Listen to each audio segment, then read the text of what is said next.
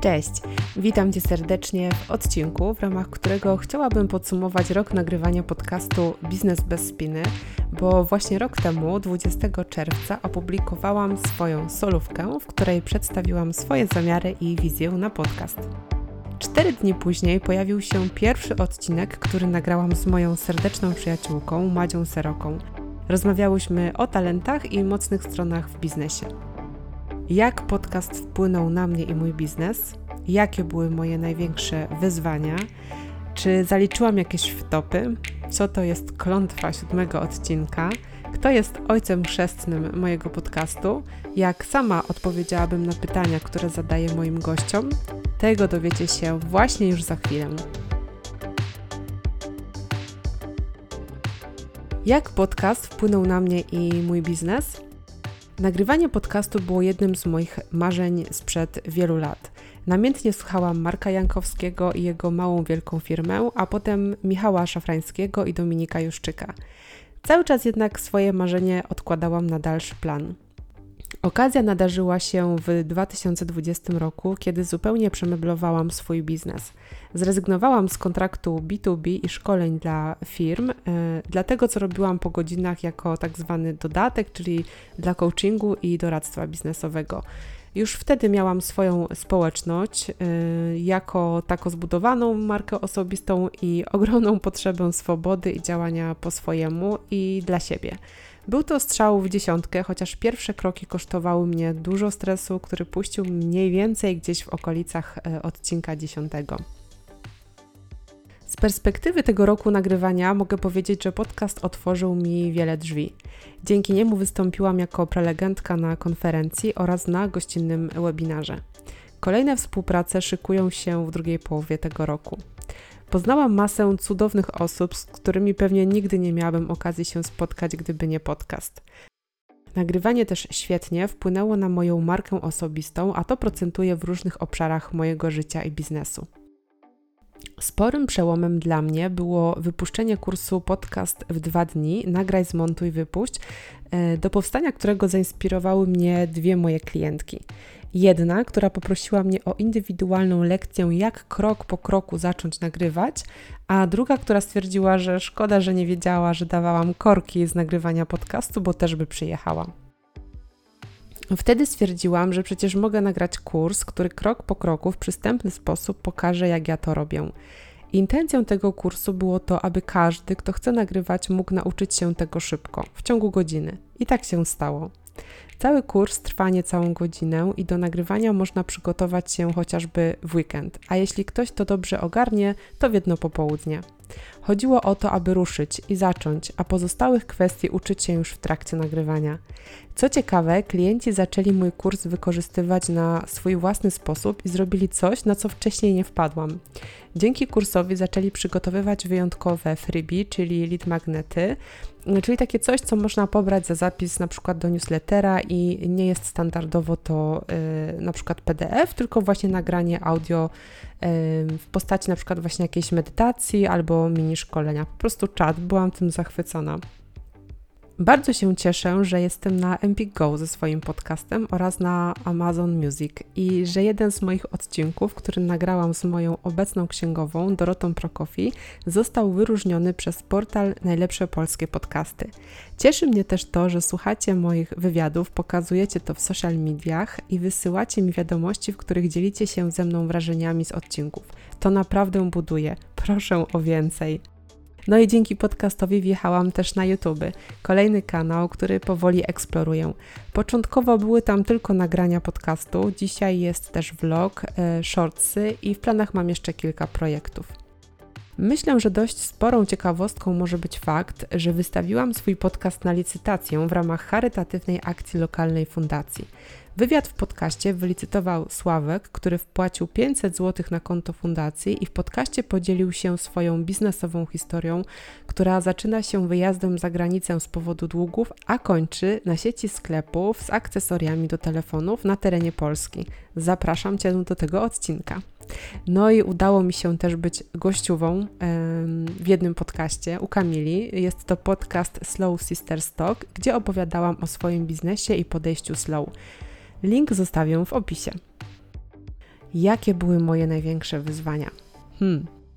Chyba przełamanie się i start. Prawda jest taka, że mikrofon kupiłam sobie w listopadzie na tak zwanego Mikołaja, czyli pół roku wcześniej. E, próbowałam się trochę rozkręcić, coś nagrywać, ale oczywiście e, mój przyjaciel, tu robię cudzysłów na tego przyjaciela, opór, robił swoje. Na szczęście, jak to w bajkach bywa, przyleciała do mnie wróżka chrzestna, e, wróć, wróżek. I cierpliwym głosem, nieustępliwie zachęcał mnie do startu. W końcu pękłam i zaczęłam. W tym miejscu chciałabym Ci bardzo, Maćku, podziękować za to, że byłeś, tłumaczyłeś co i jak, pokazywałeś, pocieszałeś i zawsze miałeś dla mnie dobre słowo. No tak, no bo wróżkiem chrzestnym, ojcem chrzestnym mojego podcastu jest Maciek Kuchnik, który uczy WordPressa i również nagrywa swój podcast. Miałam też kryzys. Nie był duży, ale był. Chodzi o tak zwaną klątwę siódmego odcinka, czyli spadek motywacji, zwątpienie właśnie mniej więcej w okolicach siódmego odcinka. Być może była to tylko taka samo spełniająca się przepowiednia, ale faktycznie po siódmym odcinku odnotowałam spadek motywacji i zastanawiałam się, czy to faktycznie ma sens. W tym czasie też e, moja strona przechodziła zmiany, remont, więc miałam przerwę w publikowaniu. Na szczęście postanowiłam nagrywać jednak mimo wszystko dalej i zobaczyć, co z tego wyjdzie. Całe szczęście, że się nie poddałam. Czy zaliczyłam jakieś wtopy? No tak, ostatnio przytrafiła mi się dość poważna wtopa, której, yy, której nie wyłapałam i niestety kilka odcinków nagrałam nie w takiej jakości, jakiej bym sobie życzyła. A okazuje się, że nagrywałam wywiady, do których mój głos był zbierany nie z mikrofonu zewnętrznego, ale z tego wbudowanego do komputera. Nie zmieniłam ustawień w programie do nagrywania. Plusy no cóż, okazuje się, że mój komputer to żyleta, jeśli chodzi o mikrofon, a wniosek, mm, no nie potrzebujesz na początek profesjonalnego mikrofonu, jeśli masz dobry komputer. Jak sama odpowiedziałabym na pytania, które zadaję moim gościom? E, jednym z pytań, które zazwyczaj zadaję na wstępie jest, czy uważasz, że Twój biznes prowadzisz bez spiny? Jeśli tak, to dlaczego? Jak to wygląda u mnie? Tak jak u moich gości, czyli różnie. No i kwestia tego, co dla kogo spina oznacza. Dla mnie kiedyś y, oznaczała takie przymusowe wstawanie rano bez względu na wszystko i wycieczka do biura, które było w centrum Krakowa, a ja jak wiecie mieszkam pod Krakowem. E, spiną były dla mnie też momenty, kiedy na przykład miałam chore dziecko i chciałam się nim zaopiekować, a nie miałam takiej możliwości. To samo dotyczy wszelkich aktywności w szkole, na przykład z imamy, czy rozpoczęcie i zakończenie roku szkolnego.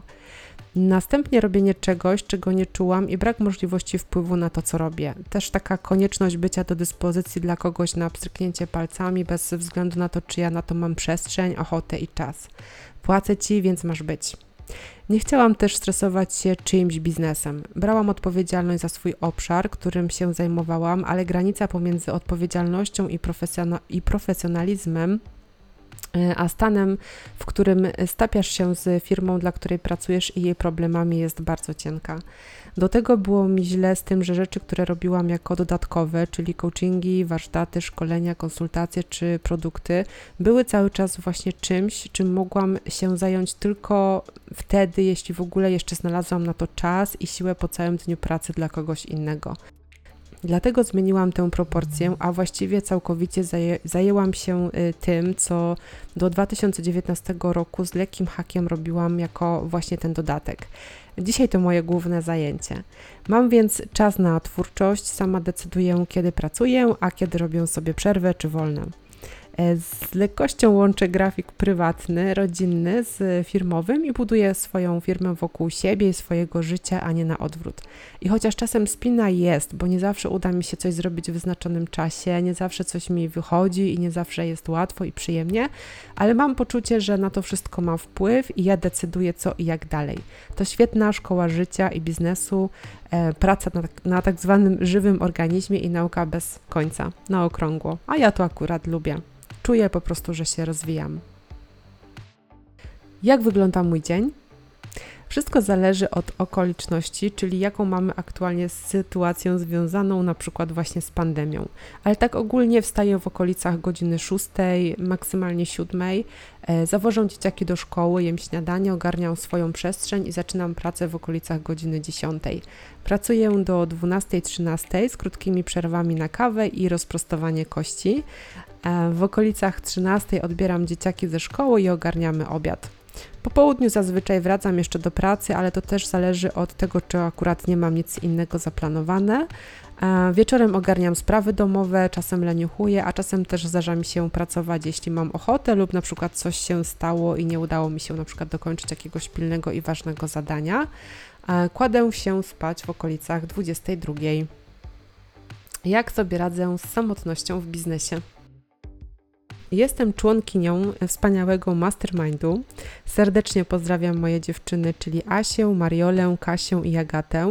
Mam też e, WhatsAppowe burze mózgów z ojcem chrzestnym mojego podcastu, czyli Maćkiem, ale nie rozmawiamy tylko podca o podcastach. Rozmawiamy też w ogóle przede wszystkim rozmawiamy o biznesie, o planach na przyszłość, a czasem jojczymy, że mamy zjazd energetyczny lub e, pokręcony dzień i średnie e, wyniki na wieczór. Od kogo się uczę i kim się inspiruję? E, to u mnie e, się bardzo szybko zmienia. Wszystko zależy, czego aktualnie potrzebuję, szukam. Kiedy znajdę osobę, która się tym zajmuje i jest mi w stanie to dać, to uczę się od niej, a potem idę dalej. Rzadko zostaję jako taki jakby hmm, wyznawca przy jednej osobie. E, często też jest tak, że na pewnym, na pewnym etapie mojego życia e, czy biznesu nie jestem w stanie kogoś słuchać, nie rezonuję z nim, ale na przykład pół roku, za pół roku to się zmienia. Być może dojrzewam do jakichś tematów. To też działa w drugą stronę czasem. Są osoby, których e, kiedyś namiętnie słuchałam, a dzisiaj jakoś tak już nie przyciąga mnie ich energia, ani to, czym się dzielą. I myślę, że to jest naturalne, i ja i tak każdej tej osobie jestem bardzo wdzięczna za to, że na odpowiednim etapie pojawiła się w moim życiu, w moim biznesie i mogłam wziąć od niej to, czego wtedy potrzebowałam. Konkretnej książki nie polecę, czytam dużo, głównie właśnie książki biznesowe oraz te z dziedziny szeroko rozumianego rozwoju osobistego. O czym marzę? Chętnie bym się pojawiła jeszcze gdzieś u kogoś w wywiadzie. Bardzo mi się to spodobało i bardzo wywiadów lubię udzielać, czy tych pisemnych, czy tych takich właśnie e, w formie rozmowy, podcastu. E, mam nadzieję, że kiedyś przyjdzie taki czas odpowiedni, że mój podcast e, zdobędzie albo zasłuży na partnera swojego biznesowego, czyli tak zwanego sponsora podcastu bardzo, bardzo, bardzo zależy mi na tym, żeby szerzyć tą ideę slow biznesu i takiego właśnie e, podejścia e, slow ogólnie po prostu do życia, do tego, czym się zajmujemy i e, takiego, takiego nastawienia, że tą firmę faktycznie, żeby budować wokół swojego życia, a nie, a nie życie swoje wokół firmy. Chciałabym też, żeby udało mi się wydać książkę, która aktualnie jest w fazie tworzenia.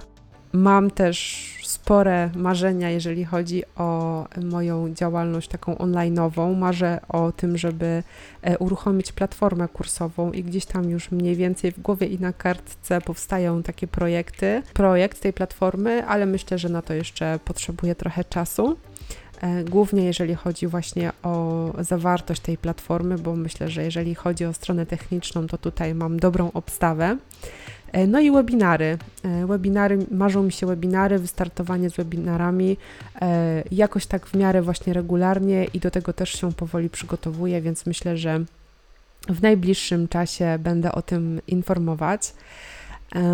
Jeśli chodzi o kilka rad, którymi chciałabym się z Wami podzielić. Jeśli szukacie motywacji i inspiracji, to mm, myślę, że będą to takie cztery które przyszły mi jakby z, z, okazji tego, że nagrywam ten podcast, bo tak zazwyczaj właśnie dopasowuję je do sytuacji. Dużo mam tych rad i, i, wieloma radami mogę się dzielić, ale z okazji tego odcinka przyszły mi takie cztery do głowy. Przede wszystkim y, mów własnym głosem. Wiem, że na początku jest to trudne i dla bezpieczeństwa powtarzamy to, co słyszymy od innych, wrzucamy jakieś cytaty i tak dalej, ale warto się ośmielać i nawet jeśli coś nam się y, spodobało, ktoś coś powiedział, y, to przeróbcie to na własne słowa, tak jak to rozumiecie, dodajcie przykład z własnego doświadczenia, filtrujcie przez własne wartości, nie bądźcie takimi papugami, właśnie mówcie własnym głosem o tym, co Was cieszy, martwi, inspiruje i zobaczycie, jaka będzie różnica w odbiorze.